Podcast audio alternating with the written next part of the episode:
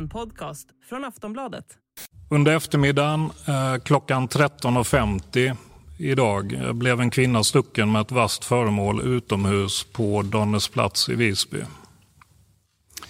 I nära anslutning till brottet, både i tid och rum, kunde en gärningsman gripas efter mycket god hjälp från rådig allmänhet. Kvinnan som skadats med någon typ av stickvapen fick initialt vård på platsen av återigen rådig allmänhet och polispersonal. Hon avfördes sedan med ambulans till sjukhus där hon fick vård. Tyvärr kan jag meddela att kvinnan har avlidit av sina skador.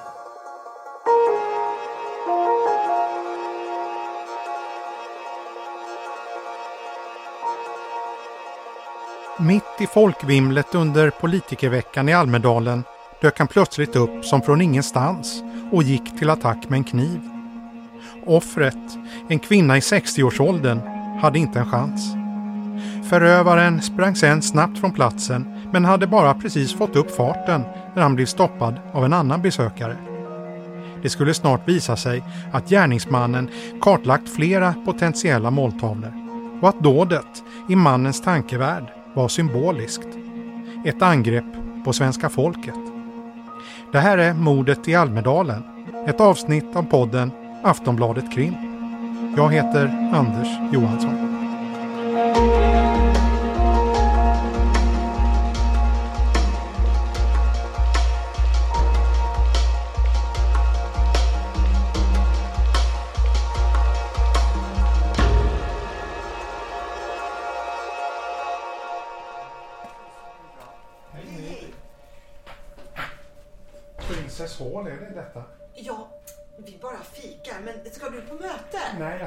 Träffa en som Ja, men han har plockat med bullar till dig. Ja, men... Vi befinner oss i Princess Hall, en byggnad intill Engelska kyrkan.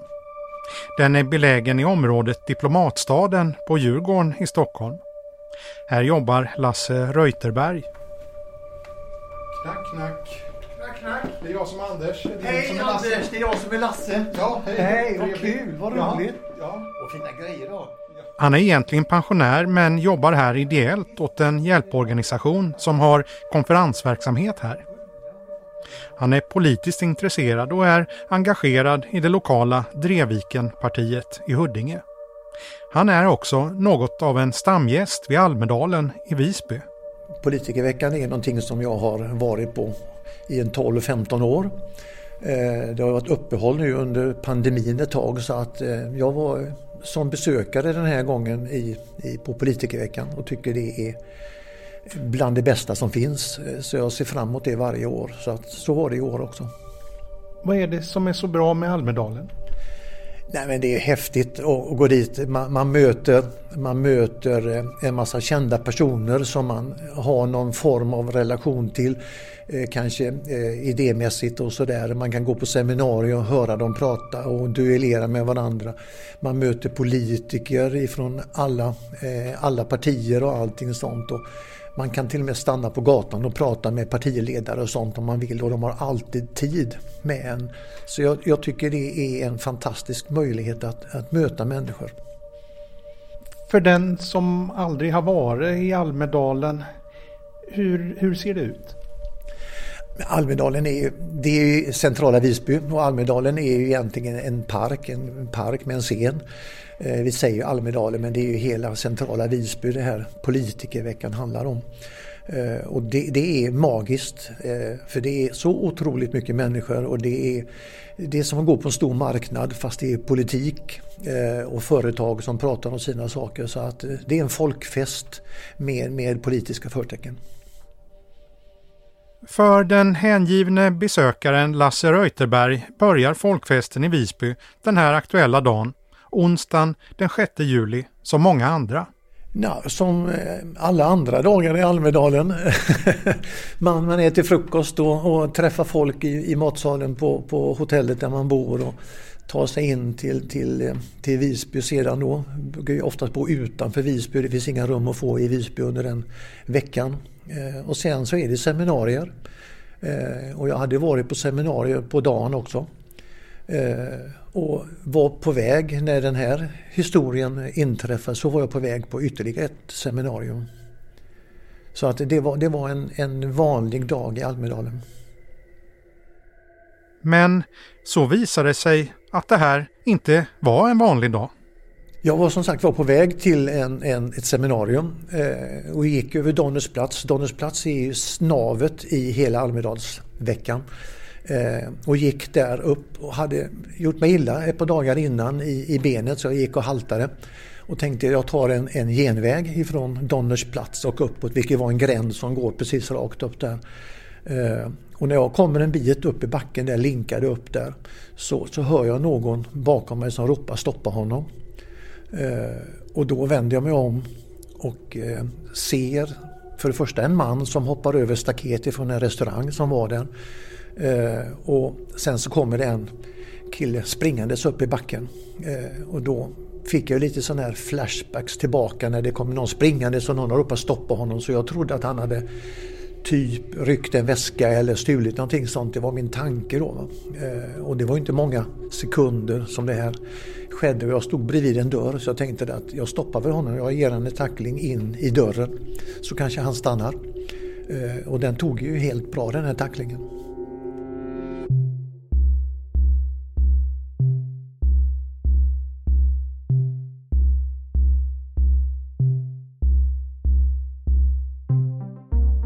Det här avsnittet ska handla om hur en folkfest på några ögonblick kunde förvandlas till en tragedi. Om hur en 33-årig man kartlade potentiella måltavlor, beställde hem vapen för närstrid och sen reste med enkelbiljett till Gotland på en sorts självmordsuppdrag. Det ska också handla om hur en människa i sin ensamhet kan utvecklas till en motiverad och farlig terrorist och bli ett hot mot vår demokrati. En utveckling som i det här fallet ledde till en psykiatrisk klinik och vidare till en fullsatt rättssal.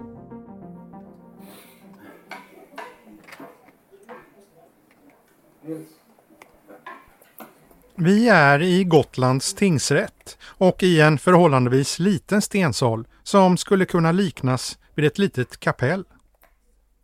Det är den 8 november 2022. Salen fylls gradvis med folk. Eluttag, det, det får du titta efter om det finns något vid vägen. Jag kan inte lova att det finns något. Samtidigt som åhörarna försöker hitta sina platser tar målets parter plats. Till vänster i salen sitter åklagaren Henrik Olin. Till höger om honom Annie Lööf, Centerpartiets partiledare. Mitt emot dem, drygt 10 meter bort, sitter den misstänkte gärningsmannen, Theodor Engström. Häktets gröna kläder, långt skägg, ännu längre hår kammat med mittbena. Efter ett tag har alla kommit på plats. Domaren Per Sundberg, lagman och tingsrättens chef, börjar. Så ja, eh, god morgon. Då ser det ut som alla har hittat en plats. Eh, bara kvittens från ordningsvakten att alla är inne och så. Ja, då så. Eh, välkomna till... Det är svårt att se någon reaktion hos Theodor Engström när domaren pratar.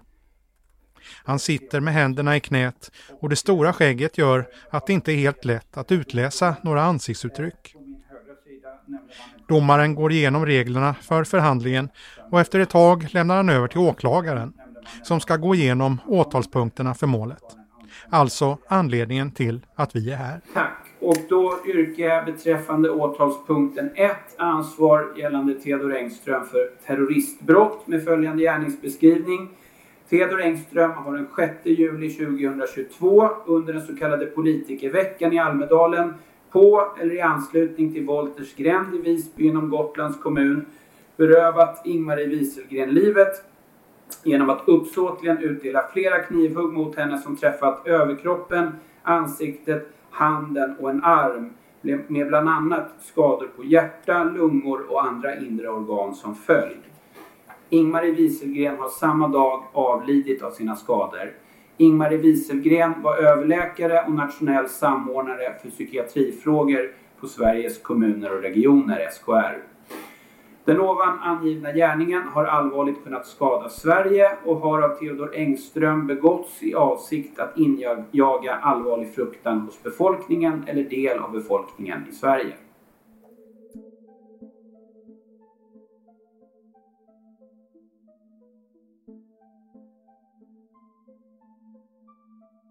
Exakt när den här berättelsen börjar är svårt att säga. Theodor Engström tycks under flera år närt ett hat mot politiker, journalister och samhället i stort. Han har parallellt med det mått mycket dåligt. Hur länge han planerat dådet den 6 juli är därför svårt att säga. Men genom att följa Theodor Engströms internethistorik veckorna före mordet tycks det gå att se hur han tar steg efter steg mot det som komma skall. Vi börjar den 20 juni när Theodor Engström gör en beställning från en hemsida. Två svärd, en slipsten, en kortare kniv och så en dubbeläggad kniv med ett 18 cm långt blad.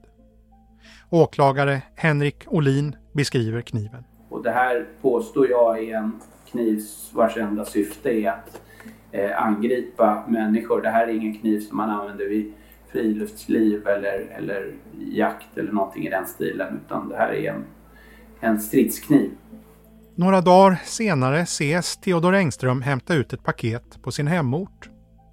Tre dagar efter knivköpet bokar han en resa. Ja, och det är då avresa från Oskarshamn till Visby den 30 juni klockan 14.10 med ankomst 17.05 i Visby och där har vi den bokningsbekräftelsen. Tänkte jag inte redogöra närmare för än så. Resan sker alltså en vecka senare, den 30 juni. Det är en torsdag. Enligt åklagaren är det redan då tydligt varför han sätter sig på färjan. När Theodor Engström med enkelbiljett påbörjade sin resa från Oskarshamn till Visby på eftermiddagen den 30 juni i år så gör han det med syfte att begå inte bara våldsbrott mot enskilda individer utan ett attentat riktat mot samhället. Väl framme i Visby går Theodor Engström av färjan. Han sätter sig i 20 minuter och väntar på en busshållplats. Sen går han tre kilometer norr om stadskärnan, hittar en avskild plats och sätter upp ett tält. Samma kväll googlar han flera gånger på Almedalsveckan. Dagen efter tycks han gå till domkyrkan i Visby. I hans mobil finns ett fotografi sparat som visar en uppslagen bibel. Enligt åklagaren är det framförallt platsen som är viktig här. Kyrkan påstår jag var den plats där han hade tänkt att begå attentatet mot Annie Lööf. Så redan den första juli så är han på plats i kyrkan enligt det här menar jag. På lördagen den 2 juli fångas Theodor Engström på en övervakningskamera inne i stan. Han promenerar runt med en tröja knuten runt midjan och går in i en matbutik och handlar. Han tycks köpa Red Bull och lite andra saker. Han stoppar ner grejerna i sina byxfickor, sen går han ut igen. Han söker också efter flera saker på sin mobil. Almedalsveckan, Almedalsveckan program, partiernas medverkan Almedalen. Dagen därpå, söndagen den 3 juli, inleds Almedalsveckan. Theodor Engström tycks inte besöka några direkta arrangemang, men han fortsätter googla på Almedalen. Och han söker även på annat. Eh, den telefonen som Theodor Engström hade vid gripandet har sökt då med, med hjälp av webbläsaren Chrome efter andra attentatsmän, bland annat eh, Martin Bryant. Och det här sker också i samband med sökningar eh, efter Almedalsveckan. Ja, Theodor Engström tycks söka efter Martin Bryant som låg bakom en uppmärksammad massskjutning. Detta gör han i princip i samma andetag som han söker efter Almedalsveckan. Dagen efter, måndagen den 4 juli, fortsätter han hämta in information om Almedalen. Han sparar bland annat några bilder. Dagen efter då, den 4 juli eh, 2022, så eh, hittar man i samma telefon en eh, sparad kartbild över centrala Visby Ytterligare en bild sparas senare samma dag. Den här dagen också då den 4 juli 2022 återfinns en bild företrädare som kommer delta i de här Nicodemus-samtalen som ägde rum under politikerveckan på Almedalen i domkyrkan. En av personerna som skulle närvara vid dessa samtal är Annie Lööf. Den 5 juli är en tisdag. Almedalsveckan är i full gång. Fler sökningar på Theodor Engströms mobil. Eh, och även här sker då på morgonen sökningar på eh, Martin Bryant. Eh, samma felstavningar eh, som vi såg tidigare. Och direkt i tid då efter den här sökningen på Martin Ryan eh, så påbörjas också sökningar av Ingmarie Wieselgren med start klockan 11.10. Ja, Theodor Engström söker på Ingmarie Wieselgren, nationell psykiatrisamordnare för Sveriges kommuner och regioner. Senare under dagen fångas han på övervakningskameror igen. Han går och handlar på en matbutik. Flera Red Bull, korvbröd, ketchup, några vattenflaskor. Han stoppar grejerna i sina fickor. Senare under dagen sparas fler saker på hans mobil. Den här dagen den 5 juli så sparas också flera scheman för eh, föreläsningar med evenemang där Ingmarie Wieselgren och ett där Annie Lööf närvarar då under eh, tiden den 5-6 juli. Sen blir det kväll och natt. Under natten görs flera sökningar på en ny attentatsman. Och han har också under natten då till den sjätte läst flera tweets som handlade om den här Cremo. Och Robert E. Cremo, eh, han sköt ihjäl sju personer och skadade flertalet vid en massskjutning som ägde rum eh, alltså dagen innan, den 4 juli eh, i USA. Timmarna går och slutligen är vi framme vid morgonen den 6 juli. Morddagen.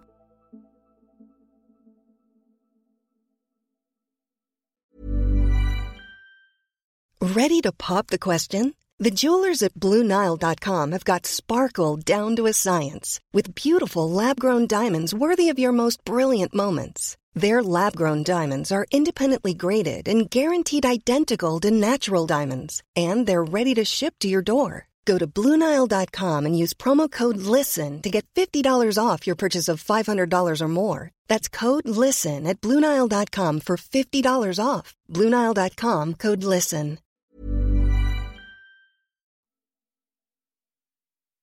Den här dagen är alltså en onsdag. Det är soligt och Almedalsveckan börjar så sakteliga närma sig sitt slut. Det är näst sista dagen. Theodor Engström har befunnit sig på Gotland i sex dagar. På morgonen läser han mer om Robert E. Cremo, en amerikansk massskjutare. Han sparar fler bilder på evenemangskalendrar och programpunkter i Almedalen. Bland annat några där Ingmarie Wieselgren är med. Vid 11.46 sparas även en bild på Wieselgren ner på Theodor Engströms mobil. För att försöka förstå exakt vad som händer under de kommande timmarna den här dagen kommer vi lyssna till Theodor Engströms egen historia. Den är stundtals svårbegriplig och svår att hänga med i och kan uppfattas som stötande.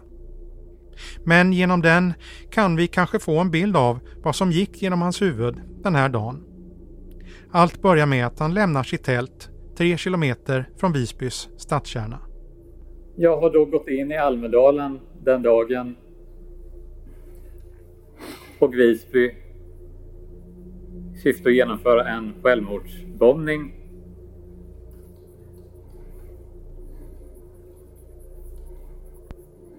Och jag gör detta å ena handen som en spökpojke, övergiven av mina medmänniskor.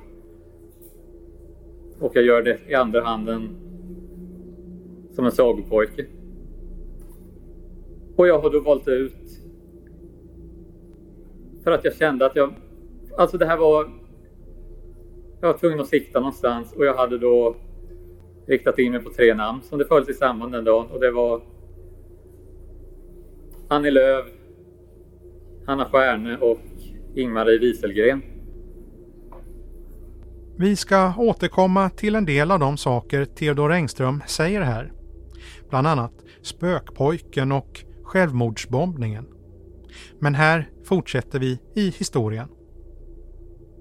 När Theodor Engström kommer in till Visby fångas han på övervakningskameror nere vid färjeterminalen. Han säger själv att han går dit för att ladda sin mobil. Han stannar ungefär en halvtimme, lyssnar på en låt men får efter ett tag bråttom. Tiden rann iväg. Jag var tvungen att ge mig iväg. För att jag hade då sett när Ingmaris seminarium skulle sluta. Så jag gav mig då iväg mot Halmplan. Han fångas igen på en övervakningskamera inne i centrala Visby.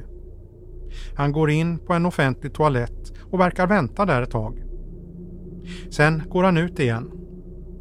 På kameran syns hur han promenerar när en kvinna går förbi honom. Efter några meter stannar han till och vänder. Sen går han efter kvinnan som han nyss gått förbi. Kvinnan är Ingmarie Wieselgren. Efter jag fått syn på henne nere vid hamnplanen och det var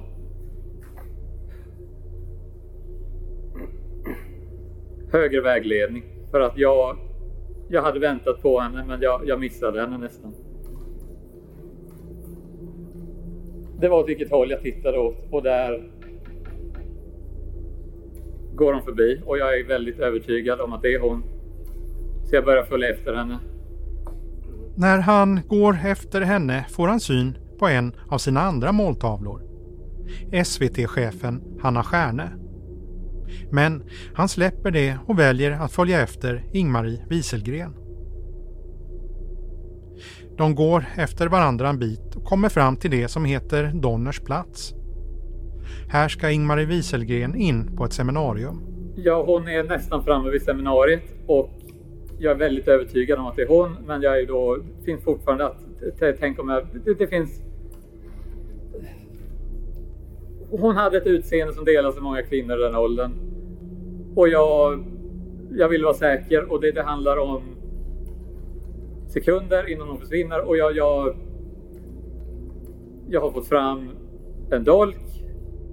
Theodor Engström verkar vilja ta reda på om han blandat ihop sin måltavla med någon annan. Han går runt och hamnar framför henne och säger hennes namn. Hon svarar jakande. Jag har dolken i handen. Jag siktar på hennes hjärta. Jag utdelar ett hugg som träffar henne i hjärtat. Hon skriker och detta överrumplar mig omedelbart. Det blir någon sorts... Och jag är inte ens säker på att det hugget var dödande som det sen visade sig vara. Och av en ren reflex så, så utdelar jag olyckligt nog flera hugg. Det blir tumultartat på platsen. Folk skriker. Theodor Engström beskriver det själv som att det blir för mycket och han vill fly. Så jag vänder mig om och springer. Han säger själv att kroppen inte bär, att han snubblar men att han reser sig igen. Men han kommer inte långt. Och jag, jag fortsätter framåt och minnesbilden här är väldigt vag men min väg blockeras och någon herre knuffar in mig i väggen och jag tappar kniven och jag, jag, jag hade kunnat fortsätta och göra motstånd här men alltså jag där och då så ger jag upp. I polisens händelserapport går det att följa steg för steg vad som händer därefter. Åklagare Henrik Olin läser. Den här händelserapporten påbörjades den 6 juli klockan 13.50.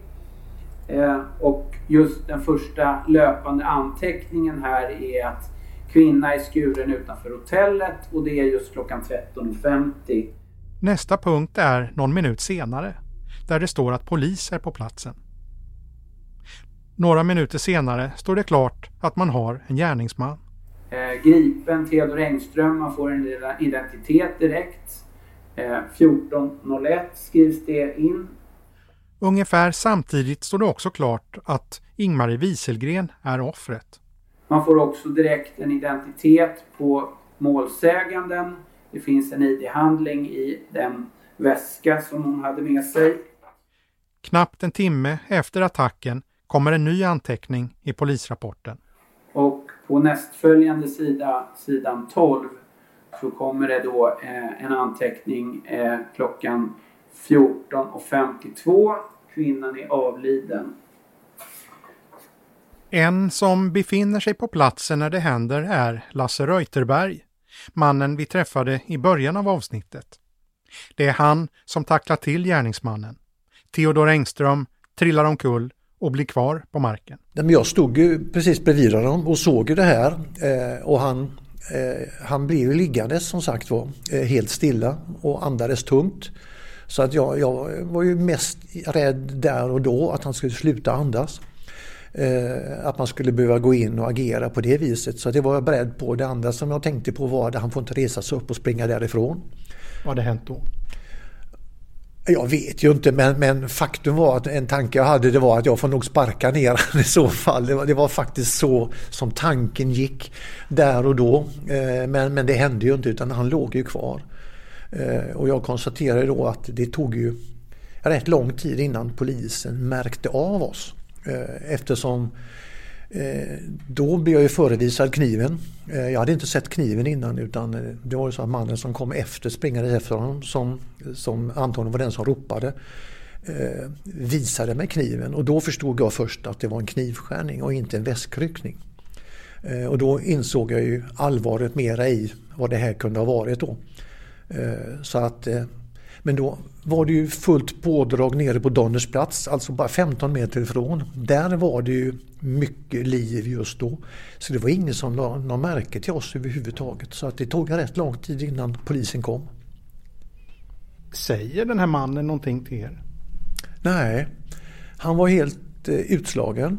Eh, han tittade upp, gjorde han, men jag vet inte om han såg någonting, om han var avsvimmad eller någonting sånt. Jag, jag kan inte bedöma om om han var så trött när han sprang upp de här 15 meterna för backen där att, att han av trötthet föll ihop eh, eller om han slog i eller om han var drogpåverkad. Jag har ingen aning. Men han låg kvar helt stilla eh, ända till polisen kom. Hur fick du sen veta vad det var som hade hänt? Det fick jag ju veta när, när polisen faktiskt kom. Eh, och jag tyckte ju själv inte att min insats eh, var så speciell. Eh, jag hade ju stått, stått i vägen för den här killen och det var väl bra så. Eh, jag insåg ju inte riktigt i det läget hur bra det var att den här tacklingen var så bra som det faktiskt visade sig sedan då. Så för mig var det ganska odramatiskt det jag var. Det var ju först när polisen kom upp och berättade att eh, det var en, en känd person. Jag hade själv ingen koppling till Wieselgren överhuvudtaget utan eh, för mig var det ett, eh, ett namn bara som vilket som helst. Men jag har ju förstått efteråt då eh, hur viktig den här kvinnan var och vilken sorg hon har lämnat efter sig men där och då fanns det ingenting utav detta överhuvudtaget.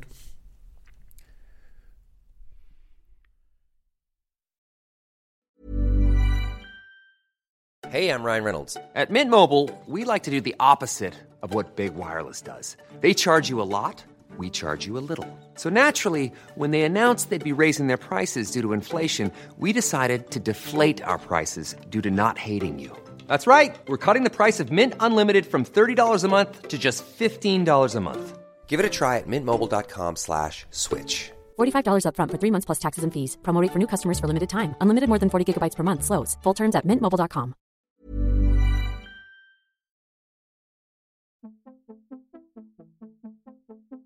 Theodor Engström grips alltså direkt efter dådet, onsdagen den 6 juli. Ingmarie Wieselgren dör knappt en timme senare. Theodor Engström erkänner praktiskt taget omgående. På måndagen veckan därpå tar fallet en vändning. Rubriceringen utvidgas från mord till terroristbrott. Det handlar bland annat om saker som Theodor Engström sagt i förhör. Att han exempelvis nämnt att Annie Lööf varit en tilltänkt måltavla. I senare förhör ska han säga att målet med gärningen var att skada Sverige. Och det här är en av nyckelfrågorna i det här målet. För ska det räknas som ett terrorbrott så krävs det att det uppfyller vissa juridiska krav när det kommer till förövarens syfte. Själva motivet till att döda någon. En gärning som genomförts för att citat injaga allvarlig fruktan hos en befolkning eller befolkningsgrupp slutcitat skulle till exempel kunna ses som en terrorhandling. Så vad är Theodor Engströms egen förklaring till varför han begått attentatet i Almedalen? Under tingsrättsförhandlingen försöker åklagaren få svar på just det. När Theodor Engström får prata fritt beskriver han dådet så här. En sagopojkes äventyr i Visby under en vecka. Och det slutade i vad som går att beskriva som en självmordsbombning. Där jag kraschade min verklighet in i mina medmänniskors fientliga konsensusverklighet som har omgivit mig. Flera av termerna som Theodor Engström använder här återkommer ofta. Han beskriver sig själv som en spökpojke och en sagopojke. Han beskriver dådet som en självmordsbombning och ett hjältedåd. Det här var i först, det jag gjorde, det här hjältedådet jag gjorde som en sagopojke, det gjorde jag i första hand för spökpojkars skull, likt mig. Gentemot ett styrande psykopatkonsensus inom det svenska folket och samhället. När han berättar om sitt liv framgår att han känner sig sviken och övergiven av det svenska samhället och beskriver det stundtals som att han är i ett krigstillstånd. Vid ett tillfälle jämför han sig själv med en ukrainsk soldat och försöker beskriva sitt agerande som någon form av försvar. Under förhören frågar åklagaren varför han valde att utföra dådet under Almedalen. Theodor Engström svarar. Därför det hade ett väldigt starkt symbolvärde för hela det svenska folket och dess styrande elit. Det här är bara ett axplock av Theodor Engströms förklaringar och motiveringar. Under andra tillfällen i rätten vägrar han att svara på frågorna. Han tappar många gånger tråden, beskriver sin verklighet på ett sätt som är svår att hänga med i. Vid ett tillfälle blir han så upprörd över frågorna att rätten får avbryta förhandlingen. Det, är helt uppenbart vad ni håller på med. Mm. Och sen får ni ju tro vad ni vill. Alltså, och jag, jag får inte ens försvara mig med några meningar. Och nu kom... Du har sagt ganska många meningar ja, om det här. Ja, för att du avbryter mig hela tiden och jag fick inte tala till punkt. För du vet varför ska du säga det här, varför ska du säga det här, varför ska du säga det här? Och sen försöker jag tala och sen varför ska du säga det här och sen försöker jag tala och varför ska du säga det här? Uppenbarligen. Mm. Men har du något mer att säga om det här eller kan vi gå vidare? Ja, men om jag kan få ta ett andetag också. Ska vi ta en paus kanske? Ja, sen ska vi fortsätta med samma, att jag inte får säga vad jag ska säga. Alltså det... Ja, sen blir det nya frågor då. Ja, ja, jag får inte tala. Alltså, är det här inte intressant? Va, va, va? Är det här mellan dig och mig? Det, det är självfallet att... Det, det, det, det är fortfarande en rättsprocess. Vi, vi kanske Även ska göra så ändå. För den. Jag, jag tar gärna en liten paus nu. Ska vi göra det? Vi får göra det. Mm. Vi tar tio minuters paus. Eh, tio, tio, två, så åt, Fullständigt otroligt. Mm. Fullständigt riggat. Theodor Engströms berättelse om vad som hänt är en del av bevisningen mot honom. Men det finns mer.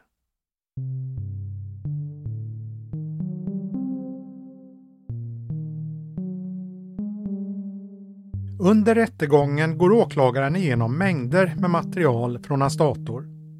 Mappar som döps till måltavlor där flera kända svenska journalister, politiker och andra makthavare återfinns. Vissa av personerna som återfinns i hans dator och som har judisk bakgrund har märkts med en Davidsstjärna. Han tycks även ha haft ett mångårigt intresse av Annie Lööf. Enligt åklagaren är allt det här material som visar att Theodor Engström planerat ett dåd med motivet att skada Sverige och injaga allvarlig fruktan i befolkningen.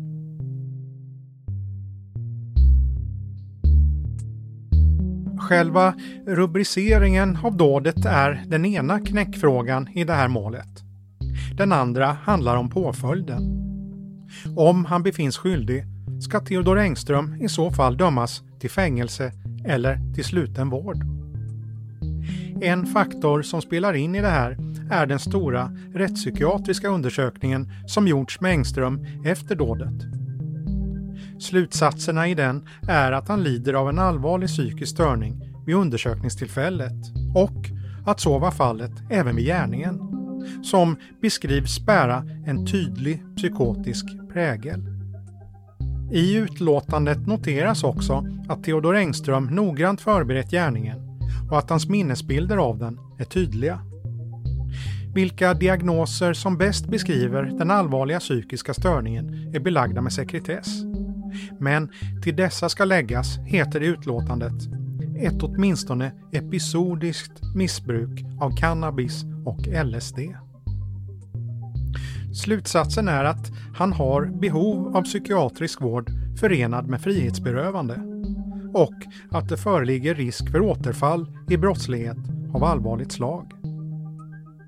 Fram till 2008 innebar ett sådant utlåtande fängelseförbud. Bara vård kunde komma i fråga. Men efter lagändringen som skedde då, för 14 år sedan, kan även fängelse bli aktuellt för allvarligt psykiskt störda om det finns synnerliga skäl för det. Under arbetet med det här avsnittet hinner rättegången avslutas. Efter fem dagars förhandling blev det dags för parternas slutplädering. Det är alltså då åklagaren, målsägande beträdena och försvaret sammanfattar målet och berättar för rätten hur de anser att det hela bör bedömas. Åklagaren Henrik Olin argumenterade för att mordet på Ingmarie Wieselgren skulle ses som terroristbrott och planerna gällande Annie Lööf skulle ses som förberedelse till terroristbrott. Efter ungefär en timme kom han fram till det som kallas påföljdsfrågan. Alltså vilket straff som ska dömas ut. Livstids fängelse eller rättspsykiatrisk vård. Åklagare Henrik Olin pekade särskilt på några, i hans tycke, nyckelmeningar i den rättspsykiatriska undersökningen.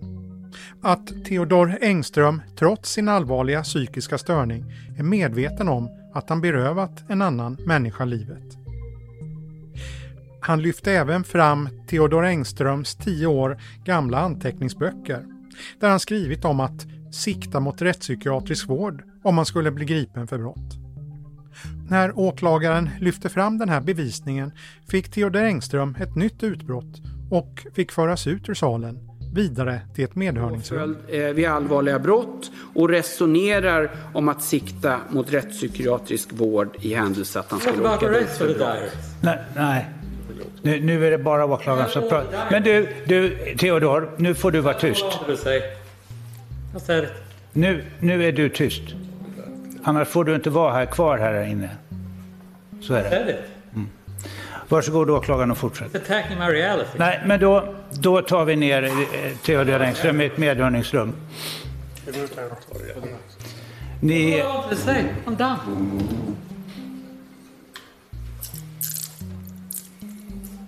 attacking reality. Kort senare återupptogs förhandlingen och åklagaren kom fram till vilken påföljd han vill se. Mitt eh, påföljdsförslag, eh, min uppfattning kring påföljd är att Theodor Engström ska dömas till livstidsfängelse. Försvaret delar inte åklagarens bedömning. Advokat Staffan Fredriksson menade å sin sida att Theodor Engströms dåd inte var så planerat som påståtts utan var mer slumpmässigt. och bör betraktas som mord och inte terroristbrott. Vad gäller påföljden sa advokaten i korthet att Theodor Engström befinner sig i ett psykosliknande tillstånd och exempelvis nu tror att någon ska förgifta honom och att han därför inte druckit av det vatten som serverats i häktet utan druckit direkt ur kranen. Advokaten menar att det är alldeles uppenbart att Theodor Engström har ett vårdbehov och sa avslutningsvis att han tycker att rätten ska döma Engström för mord och att påföljden ska bli rättspsykiatrisk vård. När det här avsnittet spelas in har alltså ännu inte någon dom kommit. Hur fallet slutar återstår därför att se.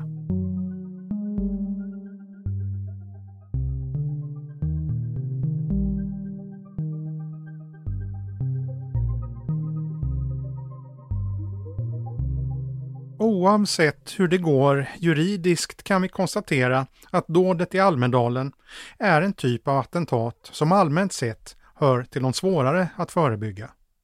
Brott där det handlar om en ensamagerande gärningsman.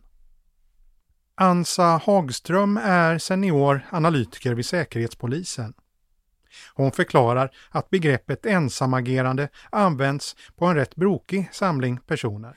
Eh, det här är ju inte någon homogen kategori utan det är ju personer som agerar på, på egen hand. Det vi ser i vårt flöde utifrån det uppdraget som Säkerhetspolisen har, det är att det är eh, fler personer som eh, inte har någon koppling till någon regelrätt eller traditionell organisation som säger sig vilja göra någonting. Skälen till att personer agerar ensamma kan vara olika. Om vi ser på det här historiskt och erfarenhetsmässigt så har vi också sett att det finns personer som agerar på egen hand av olika skäl. Det kan vara en del av en taktik i takt med att säkerhetstjänster runt om i världen har blivit duktigare på att upptäcka och kartlägga organisationer och grupperingar och nätverk och så vidare eh, så ökar ju risken för upptäckt. Om du agerar på egen hand eh, utan eh, någon tydlig styrning från någon ledare eller en organisation så är det lättare att undgå rättsväsendets uppmärksamhet. Så vi har dels den taktiken men sen har vi också den här vad ska jag säga, klassiska renodlade ensamagerande gärningspersoner som också helt på egen hand har både radikaliserats och övertygats och planerar och eh, förbereder att göra någonting. Så vi har sett hela spektrat om man tittar på det historiskt. Ansa Hagström säger att det ofta går att se vad som kan kallas en ideologisk grundplatta hos ensamagerande gärningsmän. Och ofta finns det mer än det.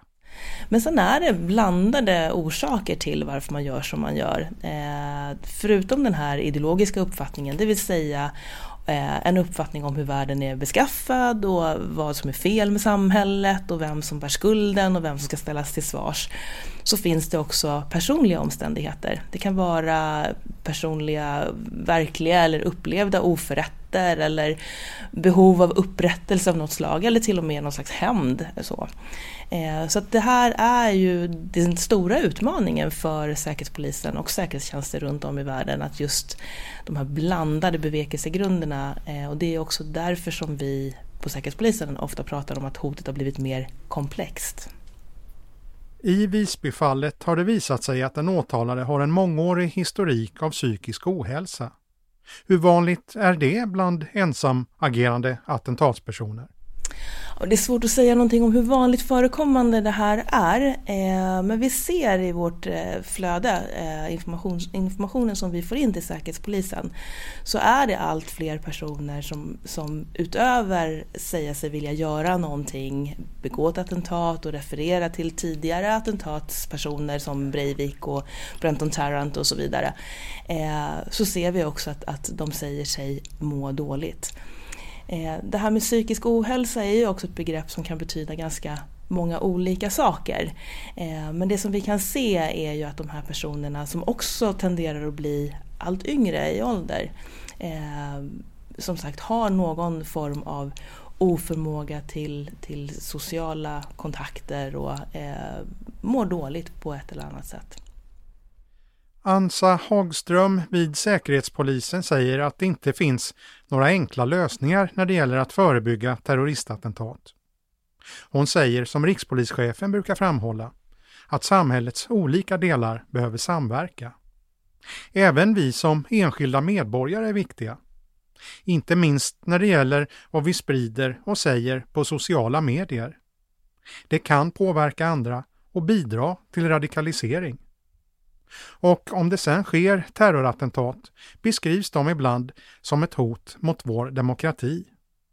Särskilt när dåden riktas mot offentliga personer.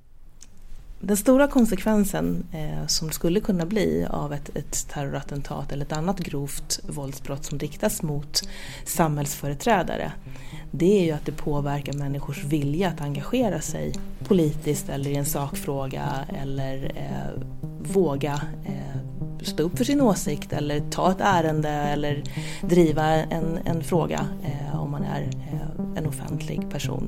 Det riskerar att tysta samhället eh, och att som sagt, det blir ju i förlängningen också en, en demokratifråga.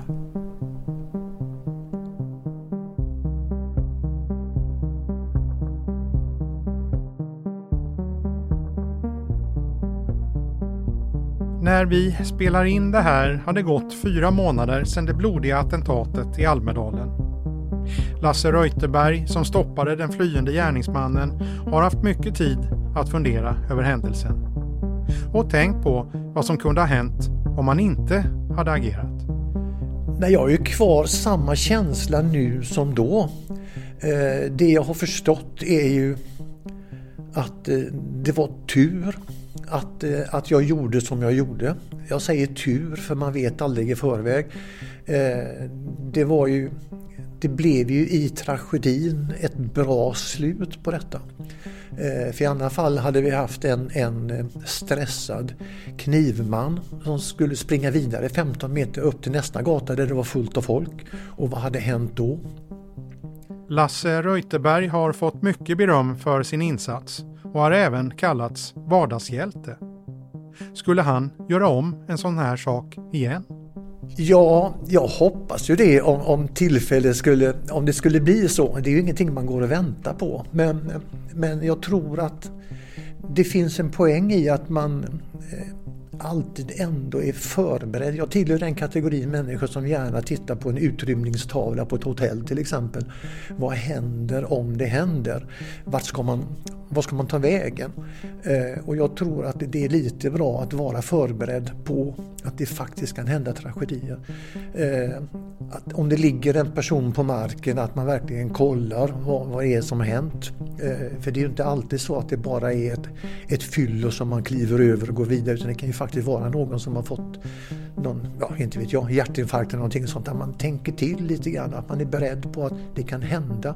För en vacker dag kan det hända en själv också då och det vore väl fantastiskt trevligt om det var någon som hjälpte till då. Så det är väl så jag tänker mest.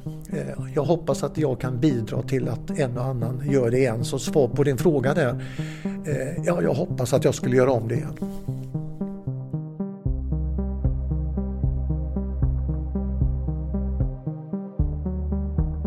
Du har lyssnat på ett avsnitt av podden Aftonbladet Krim. Klippet i början av programmet kommer från Sveriges Radio. Producent var Marcus Ulfsand. Jag heter Anders Johansson.